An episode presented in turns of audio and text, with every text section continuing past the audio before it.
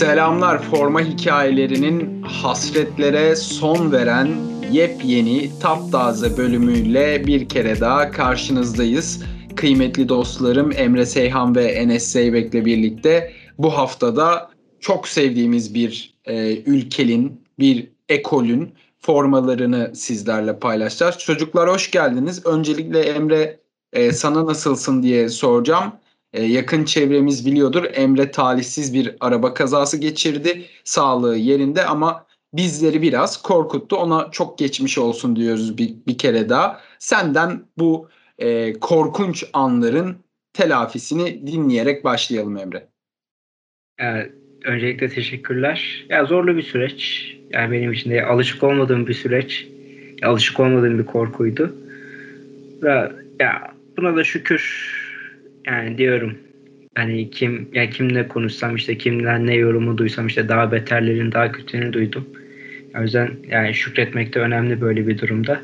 Ya ağrılarım var. Hani hani hafif yani hafiflediler. Ya hani dizimde bir ağrı var. Hani sol bilekte zaten çatlak. Ama de, yani alın zaten e, sen de gördün az evvel. e, çok da güzel yorumladın e, yani yara bere içinde de yani en azından yakalıcı bir iz olmayacak gibi duruyor şimdilik. Yani dediğim gibi buna da şükür. Trafik kurallarına uyun, uymayanları uyarın. Kesinlikle uyarın. Çünkü e, bebeksi güzelliğiyle dillere pelesenk olmuş Emre hiç de bebeksi değil şu anda. Onu böyle görmek beni çok üzdü. Bunu bir kere daha dile getireyim. Ee, Emre'den Enes'e geçelim. Onun da bir halini hatırını soralım. Nasılsın yavrum? Ee, iyiyim Eren'cim. Ya tabii buruk bir iyilik var. Çünkü Türkiye'de evet ekonomi ve siyaset belli bir seviyede ciddi bir sorun teşkil ediyor. Ancak beşeri sorunları ele alacak olursak da e, Emre kardeşimin yaptığı kaza ülkedeki en büyük sorunun aslında beşeri sorunun bir trafik olduğunu gösteriyor. Çünkü çok anlık bir şey. Ben daha fazla açıkçası bunun üzerinde durup Emre'nin de canını sıkmak istemiyorum ama lütfen artık daha dikkatli olsunlar. Çok daha dikkatli olsunlar. Saniyelik, saliselik hatalar bile insanların canına mal olabiliyor. Buradan da bir kez daha Emre kardeşime çok geçmiş olsun diyorum. Bence insanların şahit olabileceği en e, kamu spotlu forma hikayeleri başlangıcı yaptık. Bunu da bir daha tarih bize yaşatmaz diye umuyorum. E, dilerseniz çocuklar sizi daha keyifli anlara, daha keyifli konulara direkt geçireyim. Emre senle başlayacağız diye biliyorum ben. E, bugün bunu da söylemiş olayım. Biraz e, unuttum kusura bakmayın. Hem hamlamanın verdiği etki hem de e, Emre'nin üzüntüsüyle biraz unutmuş olabilirim. Affedin sevgili dinleyiciler. Biz bugün Hollanda'nın formalarını konuşacağız. Total Futbol'un beşiğini konuşacağız. Zaten Ajax'ı konuştuğumuzda da hemen hemen e, aynı betimlemeleri yapmıştık. Benim hayallerimin ülkesi olan Hollanda'nın o güzel turunculu formalarını sizlerle e, konuşacağız. Sizlere aktaracağız. Emre senden dilersen e, bayrağın ve renklerin kökenini alarak programımıza, formatımıza e, verdiğimiz aranın ardından başlamış olalım. Ee, tabii Eren ya bayrak ya kırmızı, beyaz, mavi yatay çizgilerin oluşumundan e, ya bir araya gelmesiyle oluşuyor.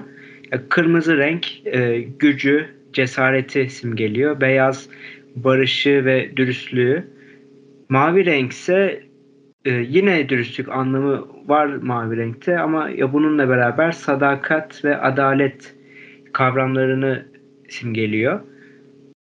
O turuncu renk ise ya daha doğrusu e, turuncu renkten ziyade şöyle bir giriş yapayım. E, Hollanda bizim ülkemizde portakallar olarak anılıyor ama Hollanda topraklarında portakal meyvesi yetişmiyor. Bu portakal e, lakabının kökeni de onlara atfedilen e, turuncular yani oranj kelimesinin ya Flemenkçe'de hani portakala da tekabül etmesi sebebiyle bizim dilimizde Hollandalı futbolcular ya da işte diğer sporcular portakal portakallar olarak anılıyor. O takma isimle hitap ediliyor onlara. Aynı e, dil, e, daha doğrusu aynı kelime oyunu İngilizce için de geçerli. Peki nereden geliyor bu oranj kelimesi ya da turuncu rengine olan e, sempati? E, Hollanda kraliyet ailesinde William the Silent olarak bilinen bir e, kral var ve hani ya bu kralın asıl ismi aslında William of Orange. Yani bu isimden dolayı e, Hollanda'da portakal e, turun daha doğrusu turuncuya doğru bir e, sempati var ve prens bayrağı olarak anılan o e, kraliyet bayrağında da zaten kırmızı rengin yerini turuncu alıyor. Yani kraliyet bayrağında turuncu beyaz mavi olarak Hollanda bayrağı sıralanmış şekilde. Hollanda bayrağı o şekilde sıralanmış. Yani güzel bir özet oldu. Ben aslında e, beni tanıyanlar bilir. Turuncu en sevdiğim renktir benim. Portakalı da çok severim. Ağacını ayrı, kokusunu ayrı, e, meyvesini ayrı, suyunu ayrı severim. E, ve Hollanda'yı ne kadar sevdiğimi Ajax bölümünü dinlerseniz e, buradan Amsterdam Belediyesi'ne de bir kere daha seslenmiş olayım. Onlar da dinleyip beni oraya aldırabilirler. Ve ilk formamıza geçelim. İlk formamız Emre'nin değil Enes'in seçkisi. E, kendisi bize ilk olarak 88 Avrupa Kupası'ndaki ev sahibi formasını, Hollanda'nın iç saha formasını seçti. Yani e, kendisinin deyimiyle bu forma bana kimi anlatıyor, kimi hatırlatıyor diye söyleyeceğim. Onun kimi söylediğini bildiğim için farklı bir isim söylemek niyetindeyim. Ben Gullit diyeceğim. Kendisi de büyük ihtimalle o harika forveti söyleyecektir. Sana pası böyle vermiş olayım Enes. Bu aramızdaki etkili iletişim için öncelikle bir kez daha gurur duydum. Bir kez daha mutlu oldum.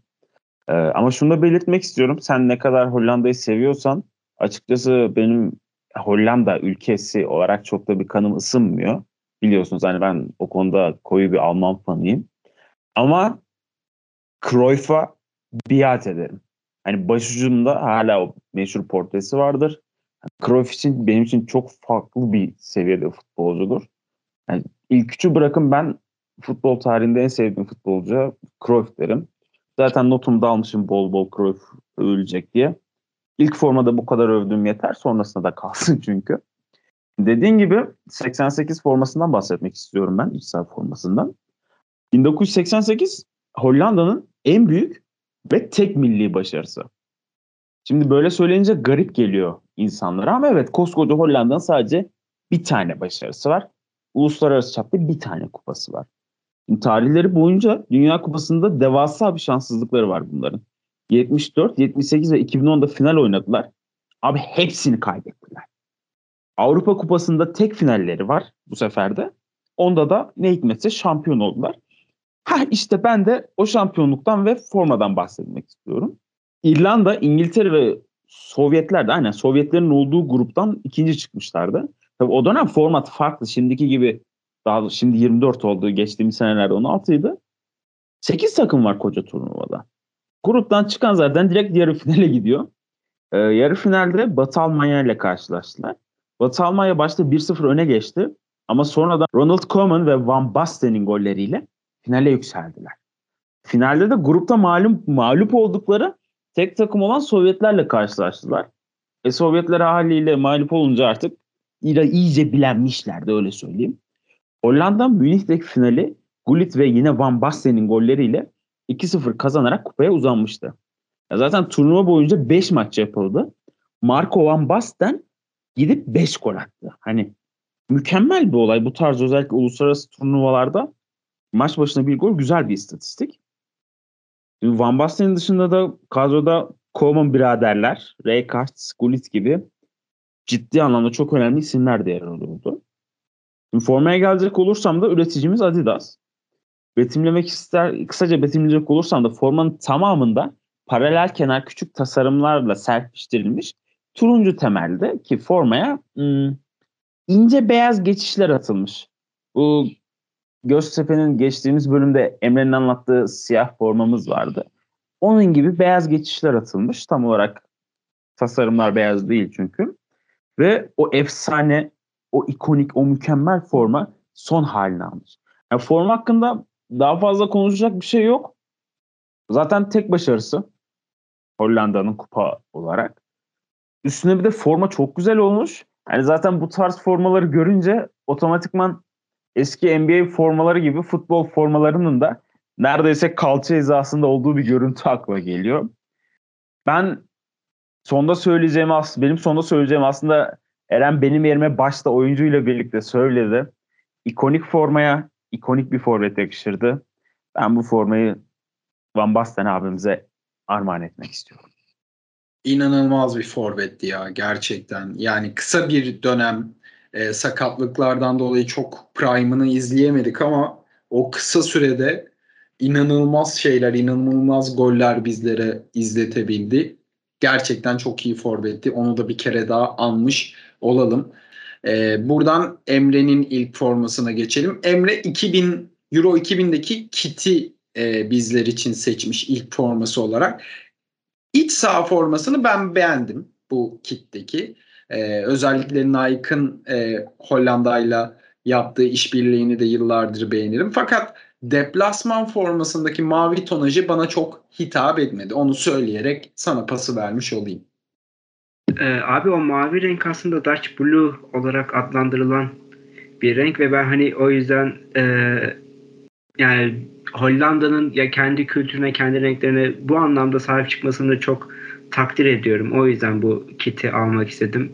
Ve iç saha formasını seçme sebebim de e, siyah detaylarla e, yani böyle çok klasik bir havası var. Hani Cruyff dönemini andıran bir havası var iç saha formasında siyah detaylarla beraber. O yüzden o e, o yüzden kit olarak almak istedim. Ve hani dediğim gibi Dutch Blue'da Dutch Blue'ya sahip çıkmaları e, benim e, tak, ya, takdir ettiğim bir olay. Ve hani Dutch Blue o mavi formada polo yakasıyla olsun, turuncu detaylarıyla olsun gayet hani bana göre şık bir forma. E, bu forma e, Euro 2000'de giyildi ve ev sahibi Hollanda'ydı. Ya Hollanda'da tabii ya bu turnuvaya çok büyük e, beklentilerle girdi ev sahibi olmalarının da etkisiyle. Ve grupta aslında çok zorlu bir gruptu. Hani Fransa, Çek Cumhuriyeti ve Danimarka gibi eski şampiyonların olduğu bir grup. Hani ya cidden çok kaliteli bir grup baktığınızda Avrupa Şampiyonası özelinde değerlendirdiğinizde ve e, ve bu gruptan 3'te 3 yaparak çıktı. 9 puanla çıktı. Çeyrek finalde de rakip Yugoslavya oldu ve Yugoslavya'yı da 6 birlik bir skorla yendiler ki e, Avrupa sahası dönemlerinden de yanlış hatırlamıyorsam bu skor herhalde en gollü e, Avrupa Şampiyonası maçı. Maç yani, yani iki maç vardı. Yani 7 golün olduğu iki maç vardı. Biri de bu maç diye hatırlıyorum. Hatalı olabilirim. E, Yugoslavya'yı 6-1'lik e, bir skorla geçiyorlar. Yarı finalde de rakip İtalya. E, İtalya'da ya bu yarı final eşleşmesi de aslında ya ikonikleşen bir maç. Avrupa Şampiyonası, Avrupa Şampiyonaları tarihine baktığımızda İtalya eksik kalıyor ve İtalya savunmasıyla aslında finale kalıyor. Ya cidden Hollanda'nın sürklase ettiği bir maçtı ama e, İtalyanlar 1-0'lık skorla yanlış hatırlamıyorsam ya da penaltılarla olması lazım. E, finale e, adını yazdırıyordu. Yani ben bu formayı da e, Patrick Kluivert'a yakıştırıyorum açıkçası. Ya aslında o kadronun 2000 Hollanda'sının e, belki de en göze çarpan oyuncularından biri hakikaten Kluivert'tı. Hem Barcelona'da gösterdiği performansı da düşünürsek ki ben Mark Overmars'ı da çok severdim. E, o da iyi bir kanat oyuncusuydu o dönemde. Yine o da Barça'da e, oynuyordu yanlış hatırlama yanlış hatırlamıyorsam deyip Enes'in formasına geçiyorum. Enes'in sıradaki forması ise e, yine Avrupa Kupası. Bu, bu, bu bölümde galiba biraz Avrupa Kupası özelinde gideceğiz. Euro 2008'deki iç saha formasını seçmiş Enes. Ben açıkçası bayıldım ya bu formaya. Yaka detayları ve e, turuncunun tonajına bir tek bir tek itirazım olabilir bu formada. O da e, armanın, logonun çerçevesi. Çerçeveyi yapmasalarmış inanılmaz iyi bir forma olabilirmiş. Ya yeri gelmişken ben övmeye biraz daha devam etmek istiyorum. Madem o kadar hücumculardan bahsediyoruz. Ben Ajax bölümünde de bahsettim. Abi bende Hollandalı forvet fetişi var. Cruyff'la başladı. Van Basten, Van Nistelrooy, Van Persie hani bu Hollandalı forvetlerde bir şey var abi ve nedense bilmiyorum belki bana katılırsınız katılmazsınız. Oyun stillerini de açıkçası ben benzetiyorum nedensiz bir şekilde. Bir de portakallar deyince Emre bahsetti aslında Hollanda'da portakal yetişmiyor falan. Bir dönem ülkemizde Hollanda'ya tepki göstermek için meydanlarda portakal kesmişlerdi. Bu anı hiç unutamıyorum. Ve vatandaşlarımıza bu ileri hareketleri için de çok teşekkür ediyorum. Şimdi Euro 2008 deyince de herkesin aklına ülkemizin performansı geliyor otomatikman ama o dönemki takımların tamam muhteşem seviyedeydi yani. Ki Hollanda'da öyle bir ekiple geldi turnuvaya. Ölüm grubundalardı. Hollanda, İtalya, Fransa, Romanya. Bakıyorsun mükemmel bir liste. Zaten ikisi son Dünya Kupası'nın finalistleri İtalya ile Fransa.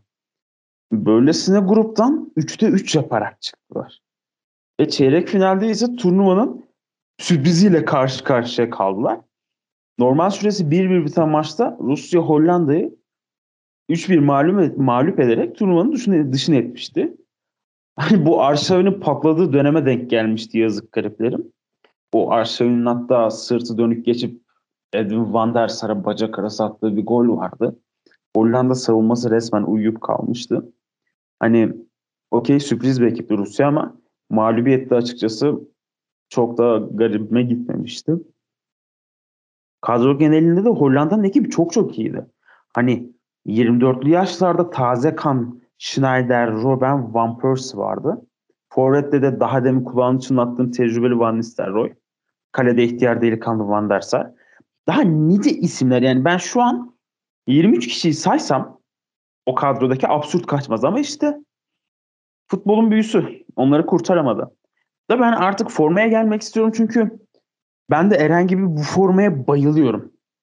Ve bir milli takımın herhangi bir milli takımın sıkça devam ettirmesi gereken bir iç saha tasarımı bence. Bu bayrak detayı genelinde söylüyorum açıkçası bunu. Şimdi üreticimiz Nike. Aşırı sade. Cidden aşırı sade. Hani ufak dokunuşlarla güzel bir hal almış. Tamamı zaten yine turuncu formanın. Formada sadece iki tane detay var. Biri Eren'in sevmediği şekilde ters beşgen içinde kullanılmış bir arma.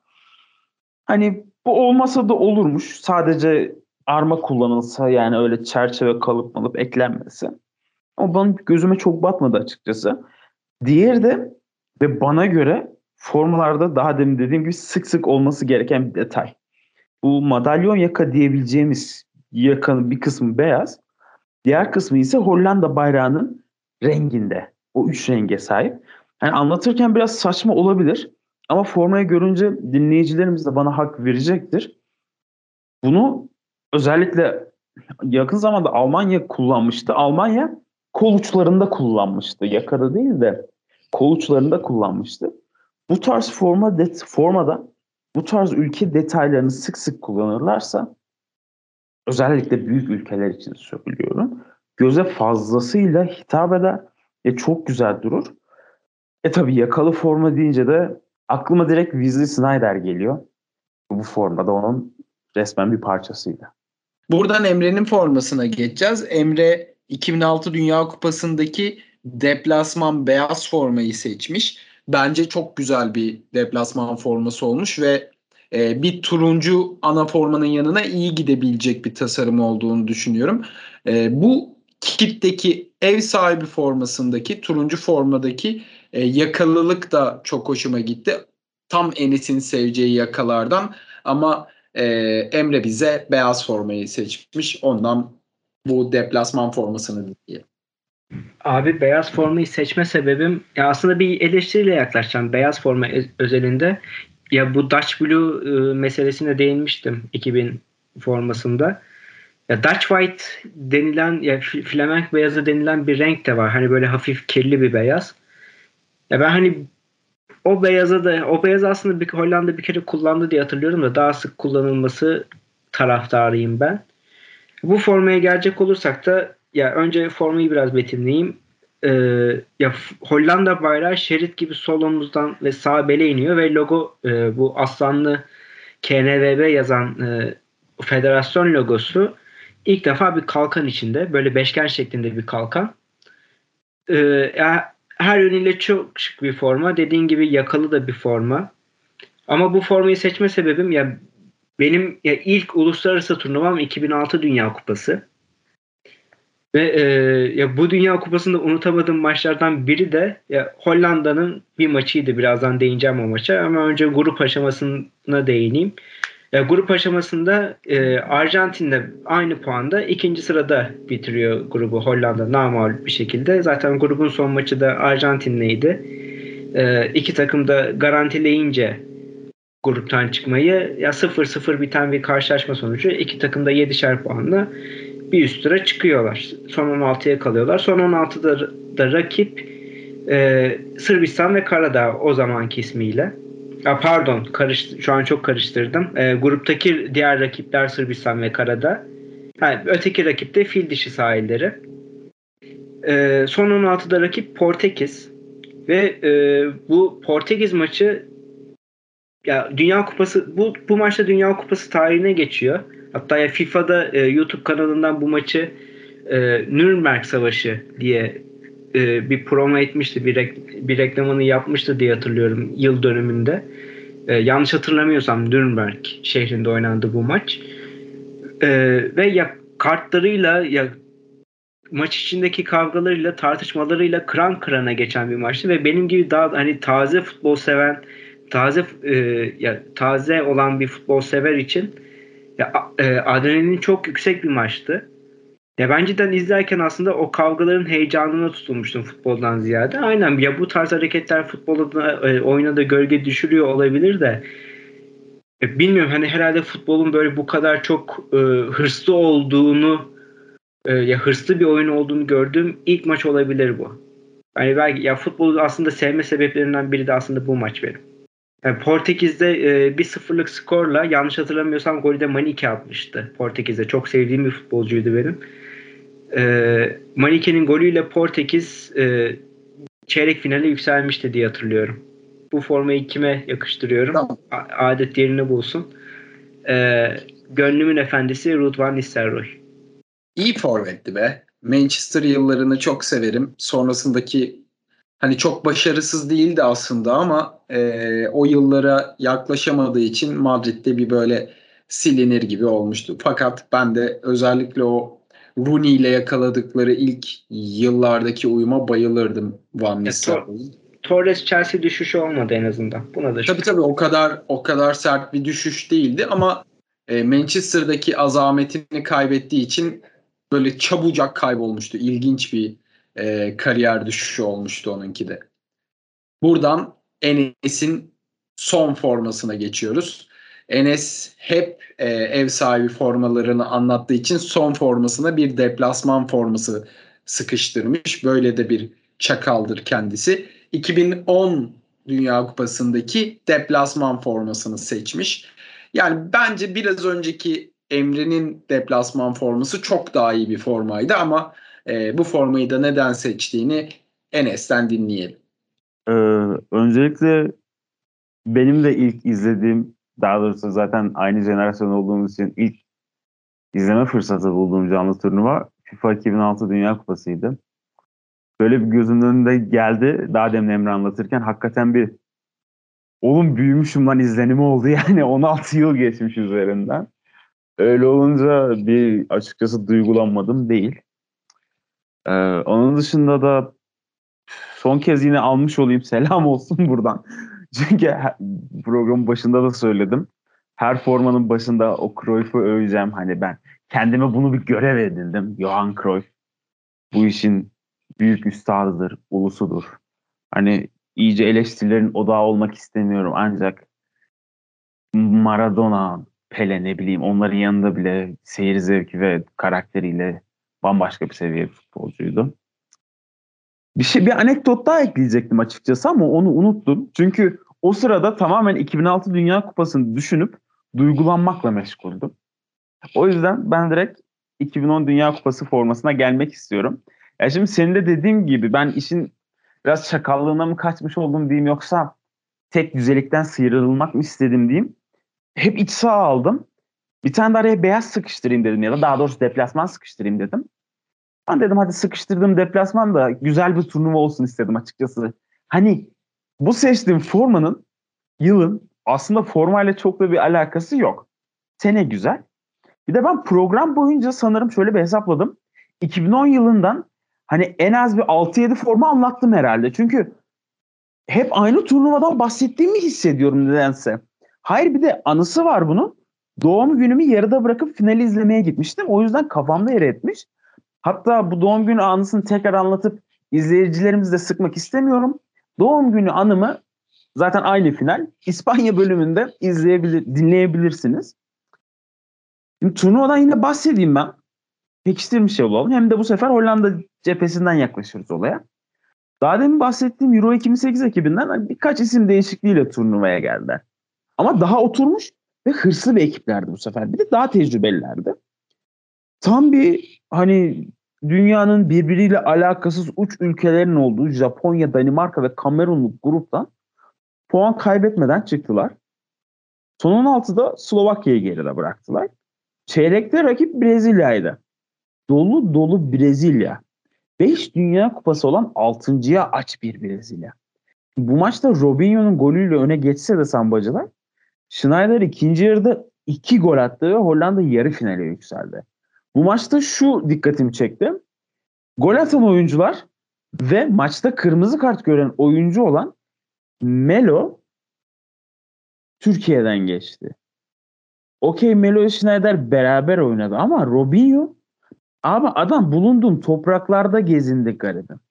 Sivas'taydı la bu adam. Neyse çok fazla Sivaslı linci ve hala Sivas'ta yaşadığımı da düşünerek bu anekdotu ben geçmek istiyorum. Yarı finale geleceğim. Çok eğlenceli, çok güzel bir maçtı. Rakip Uruguay. Maçı zaten 3-2 Hollanda kazandı.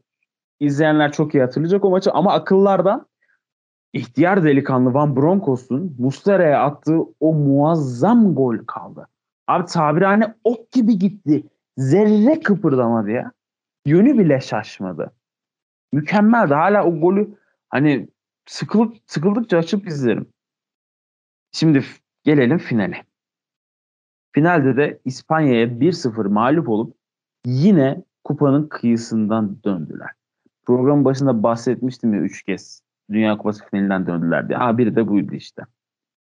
O turnuvada da ama hakkını yemeyeyim. Schneider turnuva bu tamamda evet 5 gol atmıştı. Yani takımın resmen yükünü sırtlanmıştı ki yani rollerde fazlasıyla destek olmuştu ve bu sayede finale gelebilmişlerdi.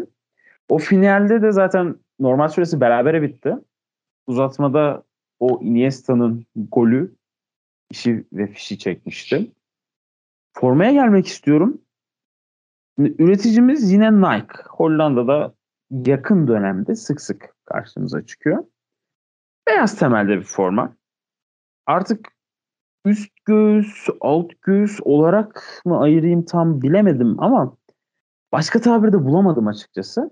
O yüzden üst göğüs, alt göğüs ayıracağım. Üst göğüste bordoya çalan koyu bir kırmızı V şeklinde şerit. Bildiğimiz V şeklinde ama ince biraz. Alt göğüste ise yine aynı V şekline sahip mavi bir şerit. İnceden bir Hollanda bayrağı vurgusu var ama hani e işte tam olmamış hani denemişler. Hani bu meşhur bir karikatür var ya fil var, kurbağa var. Kurbağa file dil atıyor ne yapıyor lan falan mevzusu var ya. Aynen onun hesabına dönmüş. Yani o bayrak vurgusunu başaramamışlar. Zaten bu formanın başında da dediğim gibi aslında amacım iç saha dışında bir forma almaktı ve senesi güzel olan bir forma almaktı. O yüzden bu biraz daha kurban edilmiş oldu. Armayı da bu sefer beşgen ya da değişik bir köşeli şekil yerine yuvarlak içinde tutmuşlar. Köşeliden daha iyi olduğu kesin. Yani bu konuda evet köşeliden çok daha iyi duruyor. Bu formayı da nedensizce ben Roven'e yakıştırıyordum. Yani formayı açıkçası sevmiyorum. Bu konuda bir gerçekçi olalım ama ben birine yakıştırmayı kendime vazife edinmiş bir ee, ah neyiz? Sunucu yok değil. Edinmiş bir birey olarak bir futbol sevdalısı olarak ben bunu hani gerek uyumu gerek de o Robben abimiz hep o fit şeyi severdi ya omuzları çok geniş değildi ama ısrarla dar forma giyerdi. O beni yakıştırıyordu. Ya ben şuna dikkat çekmek istiyorum. Alaaddin Enes Zeybek isimli şahıs her zaman olduğu gibi yine literatüre yeni bir kavram kattı, kazandırdı. Üst göğüs ve alt göğüs olarak. Ee, bu program, bu seri insanlara daha ne katabilir diye çok merak ediyorum. Gerçekten böyle bir merakım var arkadaşlar benim. Alttaki göğüs nerede lan dediklerini duyar gibiyim şu an.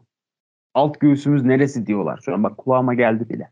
Birçok birçok şey diyorlardır ben eminim yani. Ya tıp dünyasına kazandırdığımız şu yeni deyimden sonra artık formaların da bir anlamı yok ama geçelim. Geçelim. E, bugünün son formasına geçiyoruz artık. Kapanışı Emre ile yapacağız. E, aslında geçen yaz oynanmış olmasına rağmen 2020 Avrupa Kupası olarak tarihte kendine yer etmiş olan kupanın formasını seçmiş Emre son forma olarak. E, bence bu kit komple güzel bir kit bu arada. 2020'deki Hollanda kiti. Ama deplasman formasına ben bayıldım ya. Çok güzel bir siyah ve turuncu kullanımı ve güzel bir yaka yapmışlar. Bu yüzden senden dinleyelim formayı Emre. Ee, ya ben bu formayla öncelikle Uluslar Ligi'ni kazandılar diye hatırlıyordum. Ama e, yanlış hatırlıyormuşum. E, Portekiz'e finalde mavi bir formayla kaybetmişler. Yani kazandıklarını düşünüyordum. Kazanmamışlar. Formayı siyah sanıyordum. Maviymiş. Ya o bakımdan e, ben o niyetle seçtim formayı ama tabii formayı da çok beğeniyorum. Bunu da belirteyim. E, forma cidden çok yakışıklı bir forma. Allah sahibine bağışlasın. E, e, simsiyah ve e, turuncu detaylarla aslında ya turuncu da böyle aslında neon bir turuncu gibi. Yani parlak. E, o bakımdan da çok e, şık bir forma. O detaylar formaya cidden çok yakışmış. Bir de tabii ki de yakalı bir forma. E, ya bu detaylarla cidden e, ya benim gönlümde yer etmiş e, bir Hollanda forması. Yani nadir Hollanda formalarından biri. Yani dediğin gibi Euro 2020-2021 yazında oldu e, Covid'den ötürü yani hepimizin şu an hani hala içinde bulunduğu durumlardan ötürü. Ama ya turnuva isminden de ve daha doğrusu isim ve oynandığı yıl uyuşmazlığı da bir tarafa çok saçma bir turnuva.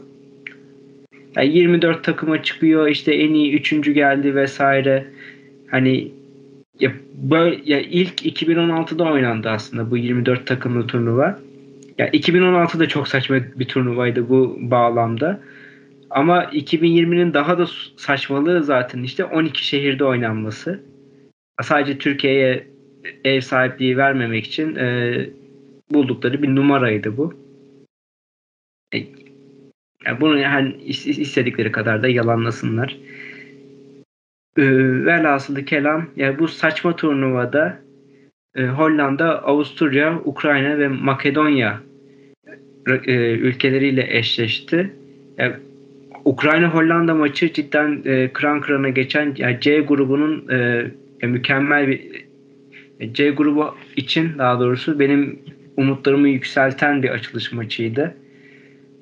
E, buradan da Şevçenko'ya selam olsun. Ama e, ya Hollanda'da hem o Ajax çıkışlı futbolcularıyla hem de e, sağ kanat beki e, bugün de ya daha doğrusu bu sezonda Inter'de forma giyen Dumfries'le beraber e, cidden çok tehlikeli bir takım olduklarını ortaya koymuşlardı ve turnuva için aslında umutları bayağı yükseltmişlerdi o gruptan çıkarak. E, çünkü hani Avusturya'da öyle kolay bir rakip değildi. Ee, ya hani ya Makedonya için hani bir şey diyemem tabi. Ama ikinci turda e, 2004 yılına bir flashback oldu orada ve Çekya'ya elendiler. Yani 2-0'lık bir skorla elendiler ki hani o 2004'teki Çekya Hollanda maçı da e, bir klasiktir. E, çok hani keyifli bir e, maçtır. Ya o kadar keyifli geçen bir maç olmadı ama ya Çekya'ya e, teslim olmuş bir Hollanda vardı sahada. Ya o yüzden hani Hollanda Hollanda'nın Euro 2020 e, macerası aslında beklenenden de kısa sürdü. Yani eldeki jenerasyondan daha fazlası bekleniyordu. Ha, şimdi Dünya Kupası var Kasım ayında. Onun için aynı umutlar taşınıyor ama e, yine de e, bu jenerasyon için akıllarda soru işareti yaratan e, bir turnuva oldu. E, ben tabii yine bu formayı da birine yakıştıracağım. Ya bu formayı da ya, hep forvetlerden konuştuk. Ya hücum oyuncularından konuştuk daha doğrusu. Bu seferki de bir savunmacı olacak. Virgil van Dijk. Ya ben de aslında formayı sana paslarken Dumfries'den söz edecektim. Ben de ona yakıştırdım formayı diyecektim ama e, sen de yine benim gibi bir savunmacı seçtiğin için ve Dumfries'i de andığın için e, bu detayı da paylaşmak istedim. Ekleyeceğiniz bir şeyler yoksa ben artık kapatıyorum arkadaşlar. Abi forma çok güzel. Çok estetik. Hani öyle dışarıya dışarıya çıkarken kot pantolonun üstüne ne bileyim resmi bir görüş yazın resmi bir görüşmeye giderken yine kez aynı şekilde güzel bir takımın ya da ceketin üstüne içine gidebilir. Forma genel hatlarıyla çok güzel. Ya zaten yakalı oldum beni bitiriyor. Ve tam polo yaka olduğu için beni benden aldı. Sadece şey diyeceksin diye çok korktum. Hani bir savunmacı dedin ya. Orada Van Dijk yerine Belak diyeceksin diye o kadar korktum ki. Sonradan içime su serpildi. Teessüf ederim. Hani hocayı bugün bir meczup olarak görüyorum ve hocaya yakıştıramadım. Bu arada ben bugün Cruyff'u övmüş müydüm ya? Yani bir sanki kadar... birkaç kez. Birkaç kez. Neyse. Selam olsun tekrar öpüyorum. Evet yine bir futbolcuyu yerin dibine soktuğumuz anlardan sonra bu haftalık bölümümüzü de sonlandırıyoruz. Bu arada samimi bir özür de dileyelim sizlerden. Ee, bir neredeyse bir aydır yeni bölüm atamıyoruz. Bunda e, en çok benim suçum vardır büyük ihtimalle. Çünkü e, bazı özel işler, bazı farklı işler peşinde de koşmak durumundayım maddi durumlardan ötürü ve bu nedenden bu bu nedenlerden dolayı da arkadaşlarımı ve bu seriyi biraz e, ihmal ettim. Bu affı da sizlerden diledikten sonra e, haftaya yine kendi estetik kaygılarımızla seçeceğimiz formalarla karşınızda olacağız. E, bizleri dinlemeye ve pleseyle olmaya devam edin diyoruz. Yani estağfurullah. Ya bir estağfurullah. Ya ihmal varsa burada hepimizin suçu vardır. Yani... E tabi senin kaza yapman da hoş olmadı tabi. İnsan kaza yapmaz yani. Bunları yani düşün. Ar- Doğru yönde giderken de burundan girmezsin. Etmiyorum. Lafımı çarpıtmayın. milli milleti şu an şey yapıyorsunuz. Yanlış bilgilendiriyorsunuz. Emre bir trafik canavarı. Yazıklar olsun. Yazıklar Kardeşim olsun. Ra- raporu yayınlattırmayın bana. ben burada ben yine iyi niyetim suistimal edildi. Eyvallah. Herkes hoşçakalın sayın dinleyenler. Camide bira içtiler. Raporları yakında. Ya Enes sen niye böyle